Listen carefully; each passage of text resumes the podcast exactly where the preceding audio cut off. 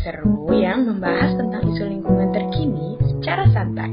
Di sini, kita akan ngobrol dengan orang-orang yang aktif di bidang lingkungan. Ingin update informasi lingkungan saat ini? Yuk dengerin podcast obrolan kami ya. Enjoy! Anam ini koordinator di tahun 2020 sampai 2021. Thank you banget Mas udah mau join, mau terima invitation dari Impli ini mewakilkan PPI Dunia nih Mas. Nggak nyangka juga koordinatornya langsung yang maju. Oke, jadi uh, salam kenal ya teman-teman IMTI. Assalamualaikum warahmatullahi wabarakatuh. Salam sejahtera untuk kita semua. Shalom, Om Swastiastu, Namo Buddhaya, Salam Kebajikan. Ya mungkin sedikit perkenalan ya. Nama saya Khairul Anam, Koordinator PP Dunia 2020-2021. Uh, saya sendiri sekarang sedang PhD uh, di Charles University kota Praha, Republik Ceko. Oh, itu ngambil major apa tuh mas di sana? Uh, kebetulan riset saya tentang dampak desentralisasi fiskal terhadap kemiskinan. Jadi uh, kekhususannya uh, desentralisasi fiskal, poverty elevation, uh, apa uh, kemandirian ekonomi desa seperti itu. Oh gitu. Mas Anam sendiri ini berarti ngambil sektor fokusannya ke arah mana sih Mas? Sebelumnya S1 S2-nya tuh apa aja tuh jurusan apa? Eh, S1 saya akuntansi majornya di UI, S2 saya kebijakan publik di, di UI juga dan S3 ini sebenarnya meneruskan riset saya di uh, eh, S2 jadi fokusnya memang lebih ke kebijakan publik ya. Uh, ya mudah-mudahan lah, mudah-mudahan ilmu nanti bisa bermanfaat untuk diberi masukan kepada pemerintah bagaimana untuk mendikris uh, poverty di Indonesia. Karena hmm. apalagi pasca covid ini kan kemiskinan kita tambah naik nih. Iya, ya wajar lah ya, antara ekonominya mas Farah benar. Negara ya ya ya Mas Anam sendiri berarti baru di PS, pas PhD ini apakah itu studinya di Indonesia atau studi keluar tuh mas? Kan pandemik tuh mas. Gimana tuh berarti sekarang? Uh, saya PhD-nya 2019. 2000? 2019. Oh. Ya, jadi nyampe sana sebelum Covid ya. Jadi uh, apa uh, eh, BC ya, before Covid ya. One before BC satu tahun sebelum baru sekarang BC-nya ya Mas ya. Iya. setelah ini setelah 2021 BC adalah before Covid. Ya. Kalau dulu before Century ya, sekarang before Covid. Iya, benar. Jadi uh, saya 2019 uh, apa sebelum outbreak memulai kuliah. Dan pada saat itu saya uh, terpilih juga sebagai ketua PPI Ceko saat itu. Uh, 2019 lalu kemudian 2020 ketika kongres uh, PPI dunia yang juga dilakukan secara online karena outbreak ya saya terpilih sebagai koordinator PPI dunia Oh gitu. Berarti itu dari kapan tuh mas? Kalau pemilihannya itu bulan apa tuh? Dan kepengurusan di KPI Dunia itu berapa lama sih mas? Satu tahun periodenya. Satu tahun periode. Satu tahun. Oh berarti kalau ini kebetulan banget nih mas ya. Berarti lagi di akhir pengurusan, tinggal dua minggu lagi udah beda nah. koordinatornya ya rupanya. betul betul. Model kongresnya itu berarti pindah-pindah kan mas? Tiap negara-negara gitu ya perwakilannya ya? Ya betul. Memang uh, tiap tahun pindah-pindah uh, biasanya pertemuan fisik ya. Terakhir pertemuan fisik itu di Johor, Malaysia. Oh. Uh, setelah itu dilakukan secara online ya. Bagaimana kan kondisi COVID ya kita nggak bisa memaksakan situasi, jadi harus tetap adaptasi. Itulah uh, dalam era serba tidak pasti seperti ini. Selain kita harus benar-benar memanfaatkan teknologi secara maksimal, kita juga harus bisa adaptif dan itu juga berlaku ya. Saya rasa di INTI dan semua organisasi lain adaptif itu uh, menurut saya adalah kondisi di mana kita juga harus merespon setiap perubahan dan uh, kapasitas uh, timeline itu menjadi penting. Jadi uh, kita mungkin misalnya membuat satu program satu tahun gitu uh, program tiga bulan, program enam bulan, program jangka pendek, jangka panjang, yang semua tetap harus melihat ke apa ya kondisi dan situasi yang ada. Jangan kita misalnya, oh kita ada kegiatan A nih harus mau nggak mau harus A gitu tapi ya kita tetap harus lihat kondisi misalnya apakah resource kita mencukupi misalnya atau situasi kondisi lingkungan sekitar kita uh, memungkinkan tidak kegiatan itu atau acara itu dilaksanakan Dan yang terpenting lagi menurut saya kita harus punya minimal ada tiga plan ya. Plan A, plan B, plan C gitu. Karena kalau kita hanya punya satu plan, begitu kena kondisi kayak gini kacau nanti begitu mendekati harinya. Itu sangat iya. penting buat organisasi untuk dimiliki.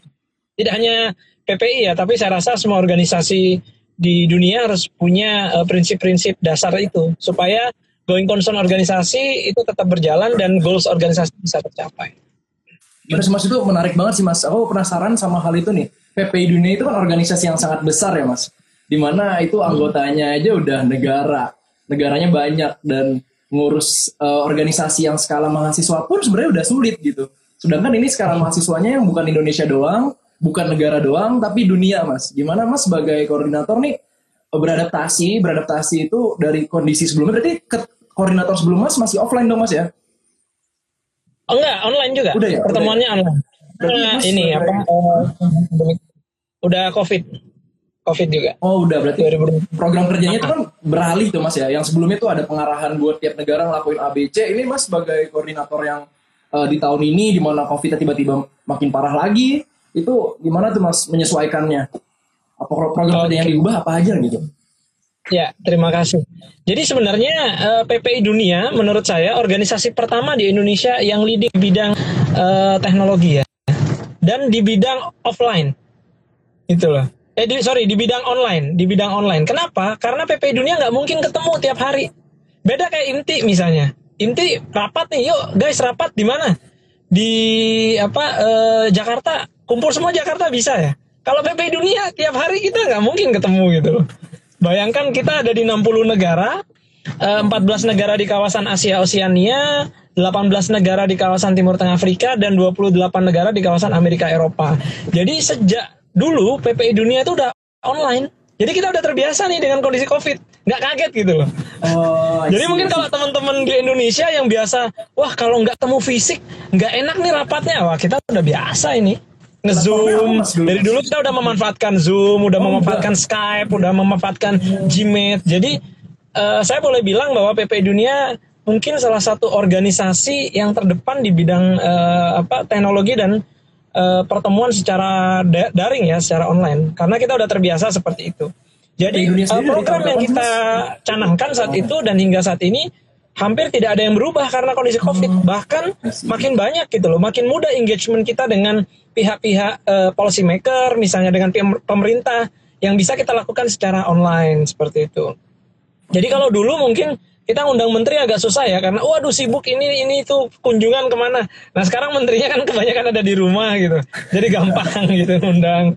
Jadi undang narasumber justru lebih mudah ya, tapi memang uh, tantangannya adalah uh, karena kita organisasi yang worldwide itu adalah komunikasi terutama waktu.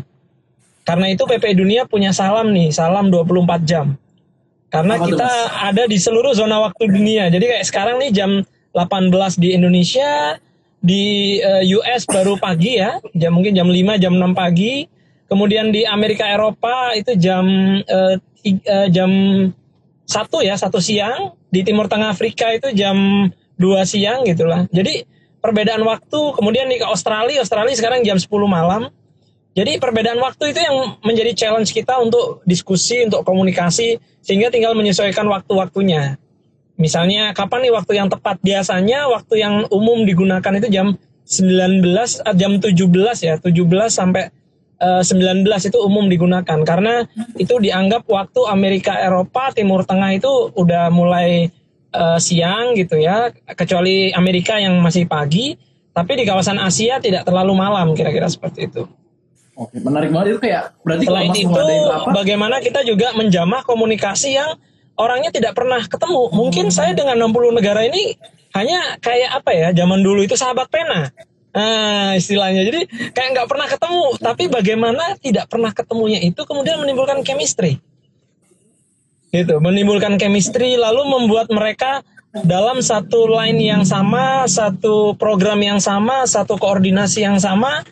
Nah ini yang menjadi challenge kita gitu. Dibandingkan dengan organisasi-organisasi di Indonesia. Mungkin kalau teman-teman di inti misalnya wah gimana nih approach uh, kepala bidangnya? Gitu. Atau uh, teman-teman anggotanya gampang ajak nongkrong aja ngopi gitu. Kalau kita kan nggak mungkin ngopi Bahkan uh, kemarin saat uh, Piala Eropa ke apa inisiasi dari teman-teman koordinator Amerika Eropa buat nobar online gitu. Jadi kita ngezoom tapi nobar gitu loh.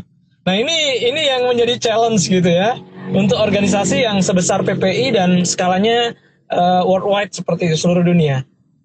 Bener-bener berarti mas kalau mau ngadain rapat harus mikirin jam berapa di negara ini ini ini, ini. walaupun itu tuh pusing juga ya mau mikirin jam rapat doang. Inteli aja mas yang sebenarnya Eh, suaranya agak kecil, adik. Oh, suaranya. kecil ya sore. Sorry. Kita aja di IMTEL ini mas, uh, sedikit cerita ya. Di IMTEL itu uh, organisasi yang di Indonesia ini terdiri dari enam regional mas. Enam regional terpisah dari Jawa, terus ada Sumatera, Kalimantan, dan Sulawesi gitu. Nah kita aja yang enam regional ini kalau ngadain rapat aja udah mikir-mikir jamnya ya. Aku nggak kebayang di PPI dunia yang wow 60 negara gitu. Kita universitas aja jumlahnya hanya 43 gitu jumlahnya. 43 universitas di Indonesia yang memiliki jurusan teknik lingkungan tuh join ke IMTLI. Dan kita untuk memikirkan program kerja segala macam, tapi menurutku ya ada positifnya itu di COVID adalah yang kayak tadi Mas cerita, yang awalnya kan PPI dunia tuh udah biasa ya. PPI dunia udah biasa buat ngadain conference online, meeting online, sedangkan IMTLI baru dua tahun yang lalu kita baru bisa gerak aktif secara online. Di mana conference kita online itu menurutku malah jadinya suatu kesempatan buat kita bisa kenal orang walaupun ya udah benar sahabat pena kalau kata Mas Anam ini. Itu benar-benar ini sih Mas menurutku di PPI dunia ini kayak sebagai contoh. Walaupun kita sebelumnya malah kalau misalkan nggak ada online ya mungkin kita nggak ada kepikiran loh ngadain IG live bareng organisasi lain dan lain-lain ya. Jadi benar-benar mengubah cara pikir sih Mas ya. Ya ya. Mas Anam sendiri nih Mas kalau boleh tahu ini kan ada pertanyaan-pertanyaan banyak nih Mas di uh, teman-teman nanya dari teman-teman Imtli, sahabat-sahabat Imtli dan uh, organisasi-organisasi yang mau follow Imtli itu banyak mengasih pertanyaan nih Mas. Ada yang penasaran kalau di PPI dunia ini Mas ada berapa banyak komisi sih Mas? Komisinya kan ada banyak banget tuh dan kemarin tuh waktu aku ngundang PPI dunia katanya uh, oke okay, nanti bakal dikasih sekretariatnya buat dipastikan komisi apa yang bakal bisa maju. Wah rupanya malah koordinatornya langsung gitu yang maju. Komisinya ada berapa sih Mas kalau boleh tahu? Oke, terima kasih Mas. Jadi uh, kita itu bukan dibagi berdasarkan komisi ya, jelas ya suara saya? Ya? Jelas Mas. Ya, jadi uh, eh, PPI Dunia ini mungkin uh, salah satu organisasi yang uh, agile ya, yang uh, memang ada negatif dan positifnya sih. Negatifnya adalah masalah uh, going concern program gitu loh. Jadi uh, agak susah membuat misalnya program itu uh, sistem antara satu periode dengan periode yang, yang lain. Tapi positifnya adalah uh, teman-teman itu bisa berkreasi karena salah satu ciri dari uh, organisasi yang agile dan adaptif itu kan uh, tidak memberikan batasan terhadap ruang inovasi kan. Gitu. Jadi mungkin kebutuhan organisasinya akan berbeda. Nah, di era kepemimpinan saya memang PPI Dunia ini uh, apa menjadi salah satu era yang terbesar dalam sejarah jadi baru pertama dalam uh, kepengurusan PP Dunia itu jumlah pengurusnya itu mencapai 424 orang dari 49 negara. Jadi bisa dibayangin dari 424 uh, eh, dari 9 negara. Apa 49 negara. 400, Kalau tadi kan 444. 24 424 oh, ya, 424. dari 49 negara. Itu Tadi kalau inti bilang ada enam regional ya. Uh, 6 regional ya. Kalau kita 424 itu pun belum plus sama Duta Velari yang uh, kita rekrut sebagai bagian dari PPI Dunia untuk mengendorse kegiatan PPI Dunia yang Duta, kemarin Duta ada 100 sorry Duta Duta Velari. Pelari. Duta Velari PPI Dunia. Velari. Iya, Duta Velari. Jadi Duta Velari ini adalah kayak semacam uh, apa uh, kita uh, apa volunteer yang kita rekrut itu adalah pelajar di Indonesia yang tugasnya adalah membantu untuk mengendorse kegiatan PPI dunia yaitu PPI uh, Education Festival seperti itu. Nah, yang di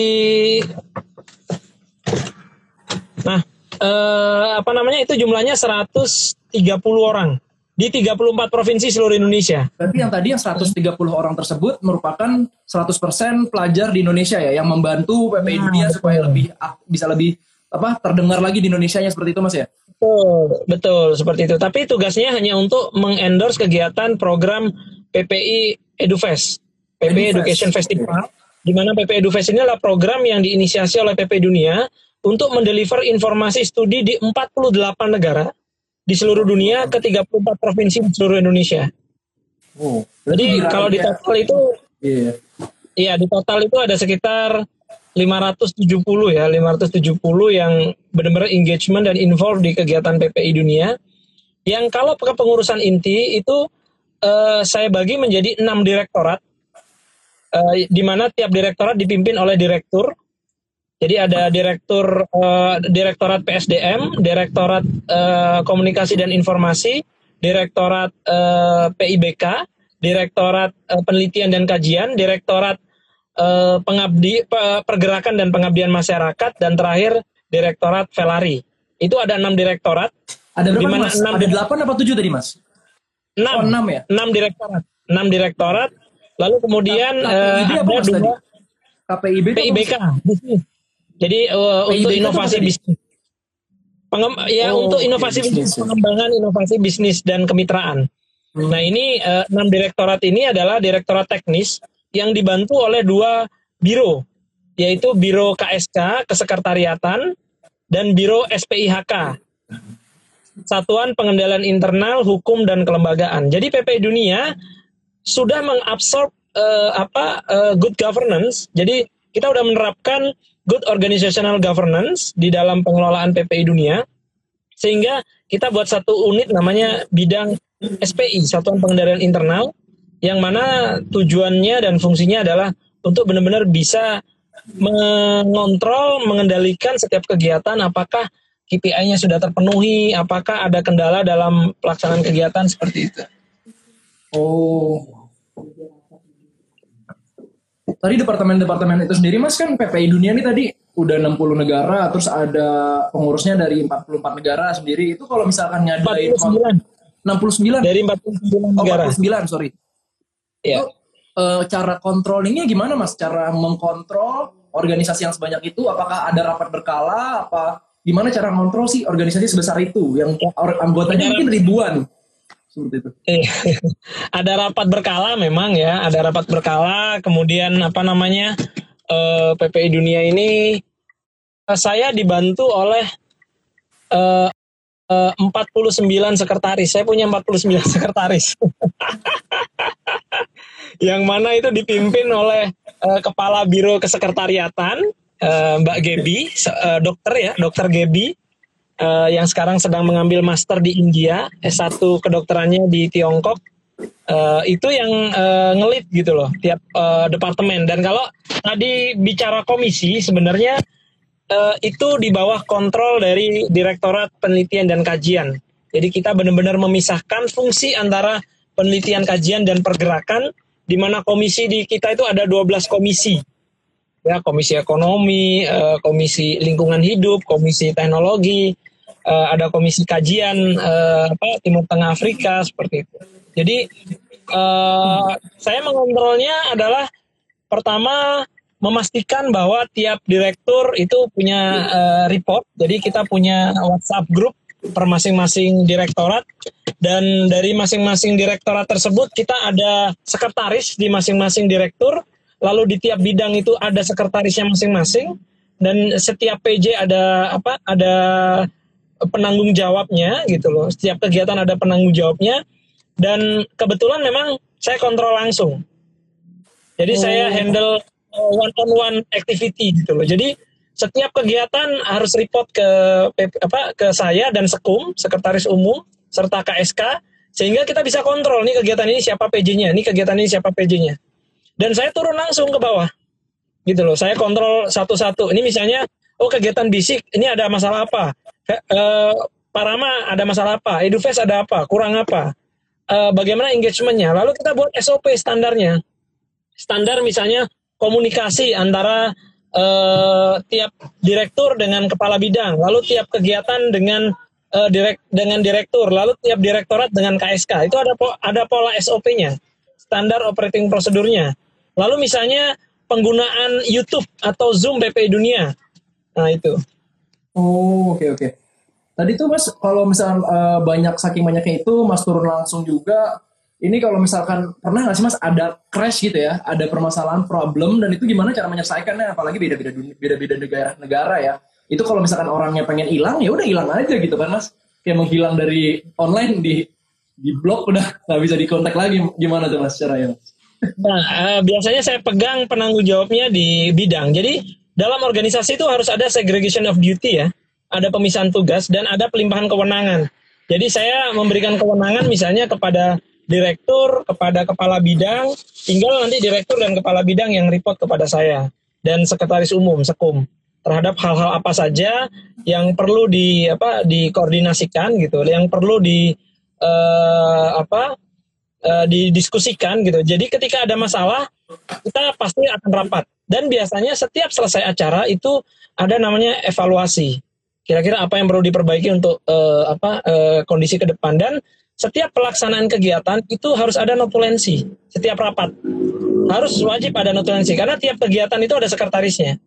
Tadi saya dapat laporan untuk uh, apa pertanggungjawaban kita nanti setidaknya ada 320 notulensi yang sudah yang sudah dibuat selama 9 10 bulan lah periode kegiatan. Jadi kalau di rata-rata sehari itu apa sebulan 30 jadi sehari satu jadi tiap hari itu kayaknya ada rapat gitu Oke, itu mas gimana aku nggak kebayang mas kalendernya ya mas ya. Pantas mas diundang tuh agak ribet ya. Aduh, gimana nih koordinator PPI dunia nah, bisa nggak ya? Wah, namanya bisa tuh. Nah, nah. Kalau itu enggak, saya nggak nggak nggak ikut di semua rapat gitu loh. Uh, kita harus percaya ya, kita harus percaya kepada penanggung jawab, kita harus percaya kepada uh, leader dari masing-masing program. Jadi uh, supaya mereka lebih inovatif, supaya mereka lebih percaya diri gitu. Jadi saya tidak akan intervensi langsung gitu, tapi saya ngontrol langsung. Ketika misalnya Bang ini kurang penanggung jawab, Bang kurang anggaran, Bang kurang ini, kurang ini, nah itu baru kita turun gitu. Oh, Oke, okay. dari ini Mas aku penasaran sih. Melakukan itu secara baik, ya it's okay gitu. Oh, Oke, okay. aku penasaran sih Mas kalau di PPI dunia ini arahannya itu lebih cuman arahan kerja aja kayak ini tujuan kita mau A B C D kalian bikin program kerja terserah kalian atau dari PPI dunia nih ada program kerja juga mas yang dikasih kayak misalkan si tadi EduFest apakah itu EduFest adalah program kerja PPI dunia yang harus dilakukan semua negara ataupun tuh negara tertentu doang yang lakuin mas jadi kalau di PPI dunia modelnya seperti apa? Oke jadi gini uh, tiap program itu sudah di apa uh, canangkan di awal jadi di awal kita akan tentukan tiap-tiap program itu KPI-nya, Key Performance Indicator-nya. Kira-kira misalnya program A, Direktorat A akan punya anggaran 5-6 program. Oke, uh, 5-6 program, presentasi dulu nih tiap direktur. Anda dalam setahun mau, mau ngelakuin apa? Lalu dibuat timeline-nya. Kira-kira misalnya program A akan selesai bulan ini, program B bulan ini. Nanti kita lihat nih kemampuan dari teman-teman eh, melaksanakan kegiatan dan kita ada rapat Bapelha biasanya dua bulan atau tiga bulan sekali untuk mengevaluasi kira-kira kegiatan apa saja yang menjadi masalah, kira-kira kegiatan apa aja yang perlu untuk diperbaiki dan ditingkatkan gitu. Oke, berarti pakai kayak rapat uh, pasti ada ini ya mas ya koordinasi terus tentang program kerja di awal tadi. Terus kalau iya. misalkan uh, eh, PPI dunia ini berarti kan ada setiap PPI negara itu ada pengurusannya lagi mas ya? Berarti ada koordinator ya. tiap negara juga ya? Apa gimana ya di Betul. tiap negara itu beda? Betul, ada ada hanya sendiri tiap negara. Dan uh, eh, PPI dunia ini sifatnya bukan ini ya, bukan uh, command order yang langsung memberikan perintah kepada PPI negara, karena PPI dunia dengan PPI negara hubungannya aliansi. Oh, aliansi. Jadi seperti bukan bukan iya, bukan lurus ya Mas, bukan atas bawah ya? Bukan, bukan. Jadi mereka terpisah. Artinya. PPI negara punya program sendiri, PPI dunia punya program sendiri. Tapi mostly dari kita mencoba untuk membuat program kerjasama antara PPI dunia dengan PPI negara. Misalnya seperti program uh, PPI Dufes itu kan mencakup 48 negara. Jadi setiap negara oh. itu nyumbang narasumbernya. Jadi ikut ikut partisipasi aktif di program kita. Terus kemudian ada juga program di teman-teman Kominfo untuk memberikan uh, pengalaman, informasi studi kerjasama dengan Kompas, dengan Detik.com. Nah itu nanti tiap-tiap negara akan mengirimkan artikelnya untuk kita publish seperti itu misalnya. Atau kegiatan yang lainnya yang butuh engagement dengan PPI negara. Itu uh, PPI negara kan kolaborasi. Oh, oke okay, oke. Okay. Ada pertanyaan nih Mas dari teman-teman di Imtri. Pertanyaan ini di question box nih ada pertanyaan. Uh, apakah PPI ini memiliki forum kajian khusus untuk menyikapi isu-isu strategis yang berkembang di Indonesia? Jika ada, bagaimana upaya PPI agar hasil dari kajian tersebut dapat diimplementasikan di Indonesia? Oke, jadi memang ada seperti saya bilang itu ada Direktorat Penelitian dan Kajian. Nah, Direktorat Penelitian dan Kajian inilah yang mengelola dan membuat SOP untuk menyikapi kebijakan-kebijakan strategis yang muncul uh, dari dari sisi pemerintah sehingga kita bisa mengasihkan masukan. Nah, contoh seperti pada saat PPI mengeluarkan surat pernyataan sikap, jadi namanya kita sebut sebagai surat pernyataan sikap uh, terhadap UU Omnibus Law tahun lalu. Nah, itu kita buat kajian dulu. Jadi PPI mengumpulkan uh, ka, apa beberapa teman-teman yang concern di bidang itu dan ahli di bidang itu lalu kita pang apa kita buatkan forum diskusi, lalu kita buatkan kajian per masing-masing bidang, lalu dari kajian itu kita simpulkan menjadi conclusion sebagai pernyataan sikap. Jadi misalnya PP Dunia menyatakan sikap A, B, C, D, E itu teman-teman bisa baca, bisa cek di IG-nya PPI terkait uh, eh, SPS surat pernyataan pernyataan sikap. Lalu kemudian uh, terhadap uh, program-program tersebut yang ketika kita sudah tentukan pernyataan sikapnya dan kegiatannya apa eh, kajiannya kita lempar ke 60 PP negara untuk kita mintakan masukan apakah eh, mereka setuju atau tidak setuju dan alhamdulillah pada situ hampir seluruh negara setuju sehingga ketika dinyatakan sudah sesuai quorum karena quorumnya ada 30 negara kalau nggak salah waktu itu 40 negara setuju untuk untuk e, melempar itu jadi kita sampaikan itu kepada pemerintah jadi tidak serta merta kemudian PPI dunia ada kegiatan, ada kejadian, lalu bersikap. Nggak bisa seperti itu. Harus dibuatkan kajiannya dulu, harus kemudian disampaikan kepada PPI negara untuk minta persetujuan. Ketika mostly PPI negara setuju sesuai quorum, baru kita nyatakan uh, pendapat seperti itu. Termasuk juga kejadian kemarin uh, konflik uh, Palestina dan Israel. Kita buat pernyataan sikap. Ya. Berarti permasalahannya semua sektor itu bakal di ini ya Mas ya, isu-isu menarik di Indonesia ini apa pun di dunia itu bakal dikaji ya. Kalau yang uh, benar-benar lagi booming itu bakal dikaji sama PPI dunia ya, kebanyakan ya. Seperti itu Mas ya. Tidak semua. Tidak semua. Karena kalau uh, pemahaman booming ini kan berbeda buat kita ya. Apakah uh. booming versi netizen? Apakah booming benar-benar dari sisi policy maker yang benar-benar berdampak terhadap hidup orang banyak? Nah, itu nanti ada tim yang khusus mengkaji. Ketika tim itu menyatakan Oke mas, ini berdampak hajat hidup berapa banyak, kita harus bersikap. Kita akan bersikap. Kita buat kajian. Tapi kalau misalnya tim, timnya sendiri mas ya, buat apa namanya, buat memilih apakah topik tersebut ini uh, akan relevan buat dikaji oleh kita gitu. Ya, betul, betul.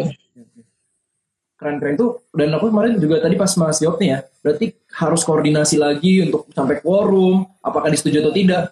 Kan organisasi berarti besar sekali. Tapi PPI dunia ini flex apa benar-benar fleksibel ya, adap, adaptif banget gitu gimana cara menciptakan suatu organisasi nih mas yang sebesar itu tapi bisa adaptif banget itu ada tips-tips kan nih buat teman-teman di sini organisasi organisatoris juga nih mungkin ada yang nonton kan komunikasi sebenarnya menurut saya komunikasi jadi kita harus benar-benar well communicated dengan seluruh ketua PP negara. Kita harus juga well communicated dengan seluruh uh, apa uh, pengurus kita. Dan kita harus bisa benar-benar mendeliver apa message yang kita harapkan sehingga bisa terimplementasi dengan baik. Dan menurut saya uh, komunikasi itu menjadi poin yang utama sehingga semua orang tahu apa yang mau kita lakukan dan apa yang menjadi goalsnya dari apa uh, dari suatu program atau dari suatu organisasi. Dan yang terpenting menurut saya uh, apa setiap organisasi itu kan punya soulnya ya punya jiwanya masing-masing, punya arah tujuan. Nah, sepanjang arah tujuan itu bisa kita penuhi, bisa kita lakukan dan benar-benar memberikan dampak manfaat untuk banyak orang, ya go ahead gitu loh. Kenapa tidak? Nah, di PPI Dunia berarti kan organisasi yang di-join oleh 60 negara di mana mahasiswa tiap negara ini pasti memiliki kebudayaan yang berbeda, cara pikir yang berbeda. Nah, ini nih gimana sih Mas eh, perbedaan menurut Mas sendiri nih pribadi, perbedaan iklim belajar mahasiswa asing di luar negeri dan kita gitu. Gimana cara menyesuaikannya, terus apa perbedaan nyatanya dunia akademik di Indonesia dengan dunia akademik di luar negeri? Itu personally ya, karena tiap-tiap negara beda ya. Jadi tidak bisa dibilang itu pertanyaan untuk PP dunia, tapi untuk personal ya saya bisa jawab. Karena uh, challenge misalnya teman-teman di Eropa tentu beda dengan di Australia. Challenge teman-teman di Australia beda dengan di Tiongkok. Teman-teman di Tiongkok beda dengan di Malaysia. Teman-teman di Malaysia mungkin beda dengan di Timur Tengah. Teman-teman di Timur Tengah beda dengan Amerika. Jadi uh, itu itu uh, akan tergantung kondisi dan situasi. Tapi yang saya pelajari di Eropa terutama di Ceko uh, mereka literasinya tinggi. Di Eropa itu literasi tinggi. Contoh sederhana, kita saya kuliah di uh, apa di Indonesia uh, dua level ya, uh, mas apa bachelor dan master yang saya terima uh, kita itu masih susah untuk mendapatkan akses jurnal internasional benar nggak? Bener banget mas. Bener nah, akses harus daftar gitu ya. Wah, dan kadang harus berbayar dan uh, kalaupun kita punya kartu kampus belum tentu kartu kampus kita buat akses itu masuk kan? Iya benar mas. Bedanya kalau di luar uh, di Eropa ya yang saya alami, begitu saya login dengan uh, username kampus saya, saya itu bisa akses jurnal apa pun mulai dari Q1 sampai Q4. Itu, itu untuk untuk semua universitas atau universitas mas aja? Yang saya rasakan seperti itu dan saya tanya dengan teman-teman mostly seperti itu di Eropa. Di di Australia juga seperti itu. Jadi hampir kampus di dunia itu memberikan ruang literasi yang tinggi buat mahasiswanya. Jadi kita mau akses apa pun bisa itu satu. Kedua eh, apa dosen eh, di luar negeri itu lebih mudah terbuka dengan setiap masukan, dengan setiap kritikan, dengan setiap diskusi yang ada. Jadi kayak eh, nggak uh, kacamata kuda gitu loh. Beda kalau di Indonesia ya sorry aja. Coba kalian challenge dosen gitu loh atau bantah dosen gitu di kelas. Waduh D di tangan itu. Tapi itu tidak tidak terjadi di apa di di Eropa yang saya alami. Saya pernah challenge profesor saya dan mereka terima gitu. Jadi yang terpenting itu substansinya bukan benar atau salah ya tapi apakah pendapat kita didukung oleh data fakta dan kajian yang memadai itu seperti misalnya pada waktu itu profesor saya berbicara tentang korupsi. Saya agak ditertawakan di kelas gitu loh. Agak agak lucu juga gitu. Ketika saya berpendapat bahwa korupsi itu tentang uang. Nah, jadi saya bilang kenapa orang kaya harus korupsi? Itu saya ditertawakan di kelas. Ternyata pemahaman di Eropa korupsi itu bukan tentang uang gitu loh. Mereka lebih kepada power seperti itu. Akhirnya ada teman saya, oh mungkin di Indonesia negara ketiga itu saya agak ya Allah gitu ya. Mungkin karena Halo Mas, agak putus-putus Mas. Tadi agak-agak putus-putus. Ya. ya, jadi udah, mereka udah, karena udah, menganggap lagi, ya, karena menganggap Indonesia adalah negara e, berkembang, negara miskin. Jadi kalau bicara korupsi berarti bicara tentang uang. Jadi tapi mereka tidak tidak masalah tentang itu, tidak masalah. Gitu dan ketika kita berpendapat tidak ada yang ngebully. Beda dengan Indonesia. Ah bego lu, ah lu nggak baca lu, tolol lu kan gitu kan?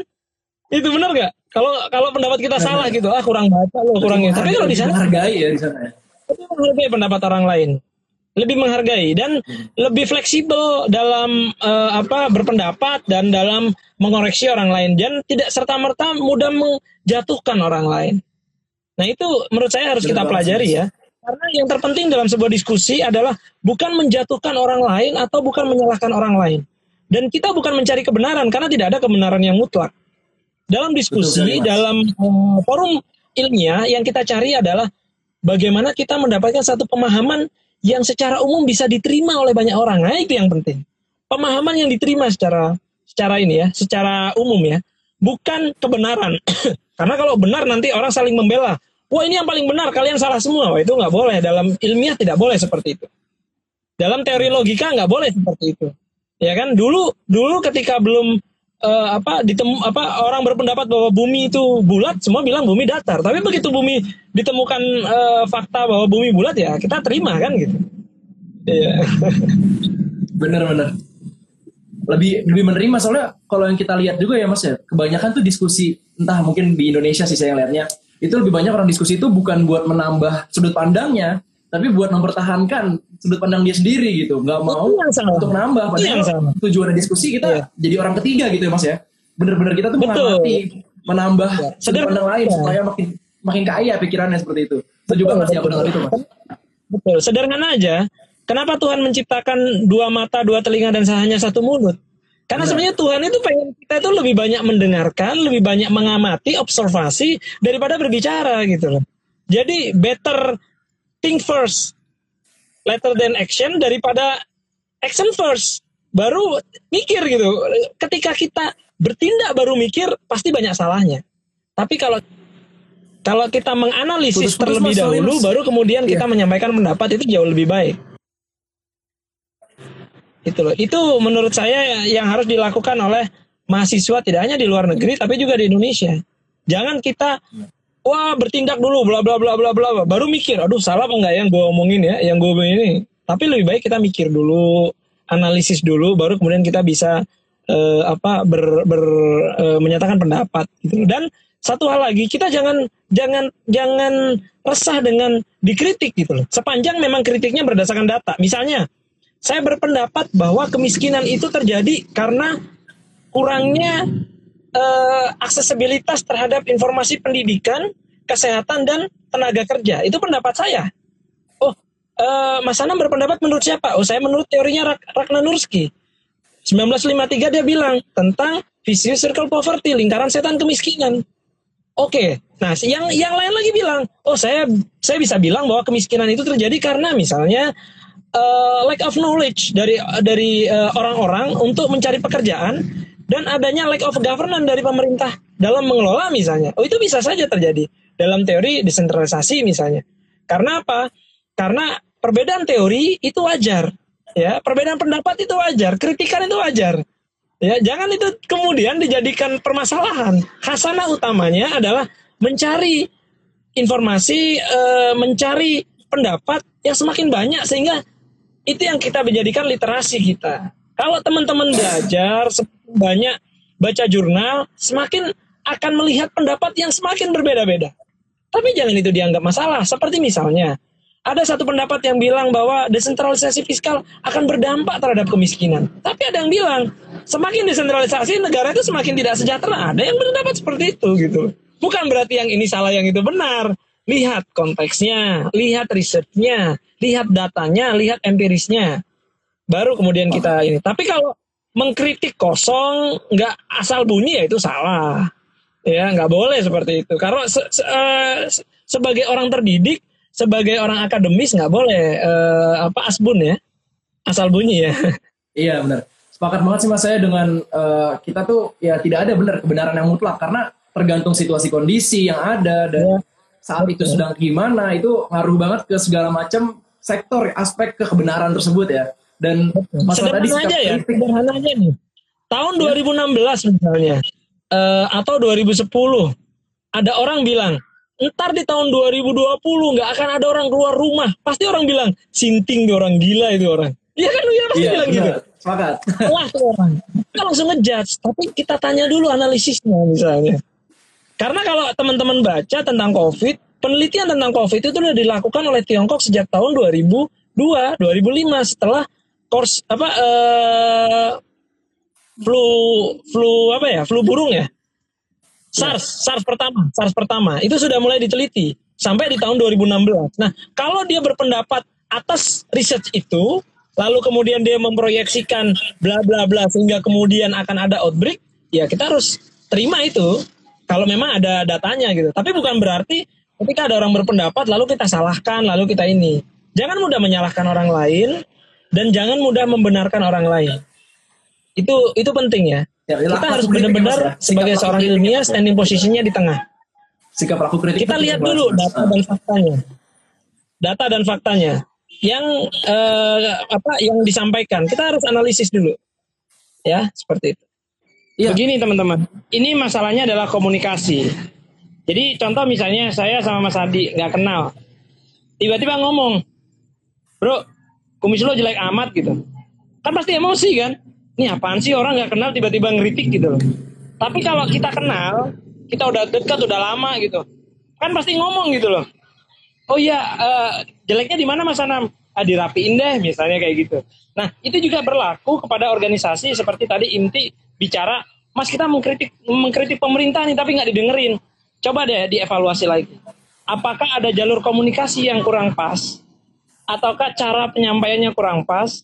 Atau bagaimana engagement kita dengan uh, policy maker? Karena kalau dalam teori kebijakan publik ya organisasi adalah mm, organisasi kayak kita mahasiswa ya itu kan bagian dari expert community ya. Nah tinggal bagaimana kita bisa memberikan masukan kepada pemerintah kepada policy maker directly secara baik jadi kita butuh hubungan yang baik dengan policy maker Jadi jangan kita menjaga jarak dengan policy maker sehingga ketika kita bicara itu akan terdeliver dengan baik. Kita buat kajian, analisis, dan diskusi secara komprehensif. Tidak hanya dengan policy maker misalnya, dengan masyarakat, dengan pihak internasional sehingga dengungnya akan lebih didengar kayak gitu. Berarti kuncinya kita harus mendekatkan diri dulu ya sebelum kita mengkritik iya. seseorang yeah. atau sesuatu. Yeah. Kita harus uh, menjadi orang yang sudah dekat dulu dengan mereka supaya itu tuh bukan cuman seperti orang berusaha menjatuhkan ya, tapi mencoba untuk membangun. Tapi kita benar-benar ngasih masukan. Benar, benar, benar. Ya coba aja nggak kenal gitu, nggak kenal ngeritik, berantem kan? Baru ketemu di terminal gitu, ngeritik, ribut pasti. Siapa sih ini orang nggak kenal ngeritik-ngeritik gua gitu. Iya, iya, iya. Menarik, menarik. Kita harus coba lihat dari sisi lain ya rupanya ya. Itu sudut ya. pandang lagi tuh. Sudut pandang ya. komunikasi lagi. Itu penting banget rupanya dalam berorganisasi ini ya. Seperti itu. Ya. Mungkin ada pertanyaan terakhir nih Mas ya. Sebelum jam 7 nih ada pertanyaan terakhir yang menarik dari teman-teman nih. Um, sebentar. Nah, banyak nih Mas berkembang isu bahwasanya mahasiswa Indonesia yang belajar di luar negeri lebih memilih untuk berkarir di luar negeri daripada di Indonesia dikarenakan masih minimnya apresiasi dari pemerintah maupun dan lain-lainnya. Bagaimana menurut pandangan Mas atau pandangan PPI ini sebagai yang mewadahi mahasiswa-mahasiswa yang kuliah di luar negeri ini? Kalau menurut saya itu hak pribadi ya. Eh, PPI Dunia selalu berusaha untuk mengingatkan teman-teman ayo kembali, ayo membangun Indonesia. Bahkan eh, Mas Menteri, Mas Nadiem Makarim sering datang ke PPI ngomong seperti itu, ayo kalian kembali dan membangun Indonesia. Tapi kembali pada personally, ketika misalnya mereka merasa uh, bahwa mereka lebih baik di luar, tidak perlu kembali Indonesia itu hak personal ya. Tapi pada prinsipnya kalau kita bisa kembali membangun Indonesia directly alangkah lebih baiknya. Kalau saya berpendapat gini, daripada kita cuma bisa ngomong doang, mengkritik, kenapa nggak kita ikutan kerja gitu? Kita bisa ngomong, wah ini rumahnya nggak bagus nih, bangunannya gimana sih tukangnya? Itu kan cuma kita bisa ngeritik doang. Kenapa nggak kita ikut jadi tukang? Kita ikut ngebangun. Jadi involve di situ. Seseorang yang sudah involve pasti dia akan tahu jeroannya sehingga dia tahu cara memperbaikinya. Oh misalnya ini semennya kurang nih, uh, ini uh, apa uh, besinya kurang nih gitu loh. Oh ini kerangkanya nggak bener nih desainnya yang salah sehingga kita berikan ajukan desain. Ketika kita mengkritik atau uh, merasa ada yang kurang baik, ya kita harus bisa berikan masukan itu secara positif gitu loh. Tapi itu tadi kembali kepada personal. Belum tentu orang-orang yang di luar itu tidak membangun Indonesia. Bisa saja uh-huh. indirectly mereka memberikan masukan kepada pemerintah memberikan masukan kepada kita, memberikan masukan kepada uh, apa bangsa melalui tulisan mereka di luar, melalui riset mereka di luar, melalui cara pandang di luar, melalui seminar dan webinar yang mereka lakukan di luar, yang itu kemudian memberikan sudut pandang positif terhadap Indonesia. Bisa saja mereka menjadi duta-duta yang memberikan masukan terhadap Indonesia. Oh misalnya, oh di Indonesia nggak ini kok uh, apa nggak ada masalah kok.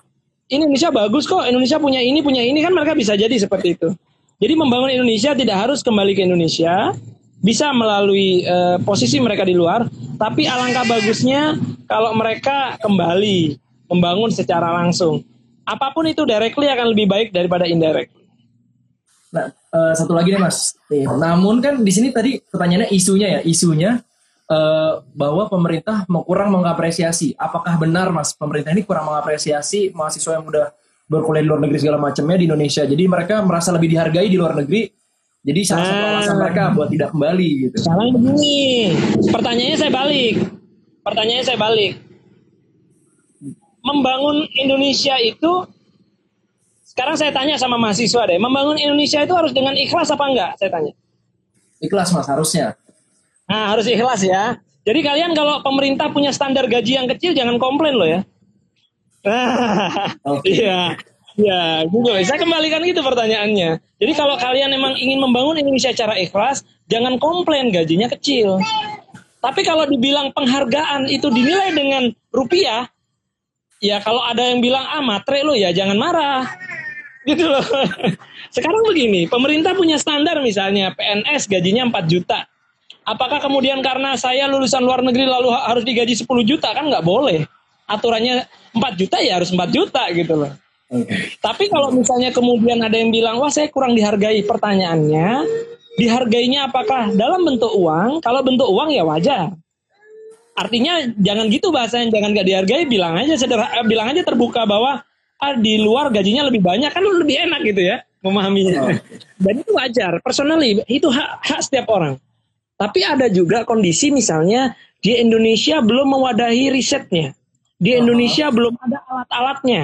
Di Indonesia belum mampu untuk mengakomodir ilmu itu. Seperti misalnya teman-teman di Korea ada yang belajar PhD di bidang nuklir. Di Indonesia misalnya uh, apa belum bisa diimplementasikan. Nah, itu itu boleh dia bilang, "Oh, di Indonesia belum bisa dipakai nih ilmu saya. Saya harus implementasi di luar." seperti itu. Oke, okay, oke. Okay. Misalnya ya.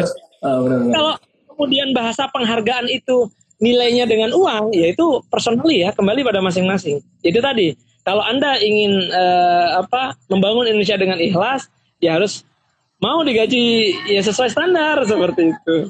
Jangan misalnya uh, pemerintah hanya mampu gaji 4 juta, Anda minta 50 juta. Wah, saya di Eropa mau lima, digaji bisa 50 juta. Lalu kemudian bilang, ah pemerintah nggak bisa menghargai saya, ya nggak bisa seperti itu.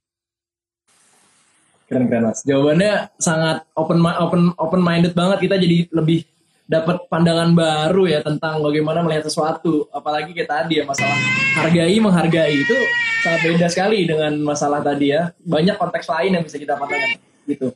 Mungkin karena waktunya udah tinggal dikit lagi nih Mas, ini udah habis juga. Tadi uh, udah dapat banyak insight yang lebih mind opening dari Mas. Mungkin ada uh, sedikit eh, kata-kata uh, dari Mas pesan-pesan untuk ma mahasiswa nih, mahasiswa Indonesia khususnya yang teknik lingkungan di sini.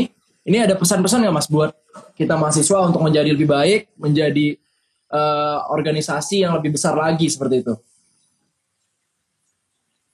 Ini kan kita udah dapat nih mas banyak insight, banyak yeah. sudut pandang baru dari Mas Anam segala macam yang sangat-sangat mind opening ya. Nah mungkin dari Mas Anam sebelum kita live kita tutup nih Mas, ada kata-kata pesan-pesan buat mahasiswa di Indonesia apa yang harus dilakukan segala macam dan khususnya ya buat mahasiswa teknik lingkungan gitu untuk membangun Indonesia lebih baik lagi ke depannya. Dan untuk organisatoris organisatoris yang ada di sini. Gimana nih mas? Silakan. Saya saya mengkut uh, kata-katanya uh, saya mengkut uh, kata-katanya almarhum Yang Habibie Presiden Republik Indonesia ketiga Ketua PPA kan 1957 1959 beliau berpendapat uh, orang sukses itu bukan karena dia kaya, dia pinter atau dia cerdas, tapi karena dia terus mau berusaha dan berjuang. Pesan saya kepada semua semua pemuda dan pelajar, teruslah berjuang, teruslah berusaha. Jangan lihat kalian sekarang, jangan lihat siapa kalian sekarang, tapi lihat apa yang kalian bisa kontribusikan ke Indonesia di masa mendatang. Karena Wah keren banget mas, terima kasih banyak mas Anam atas waktunya. Sebelum kita tutup mungkin uh, kita ada salam di ini ada salam lestari mas namanya. Kalau kita bilang salam lestari, lestari gitu mas. Mungkin sebelum kita tutup kita bisa bareng-bareng sama teman-teman semua. Mas Anam juga bisa ikutan. Makasih banyak ya Mas Anam ya sampai berjumpa ya, di lain waktu. Terima kasih teman-teman. Waktunya Mas. Terima kasih.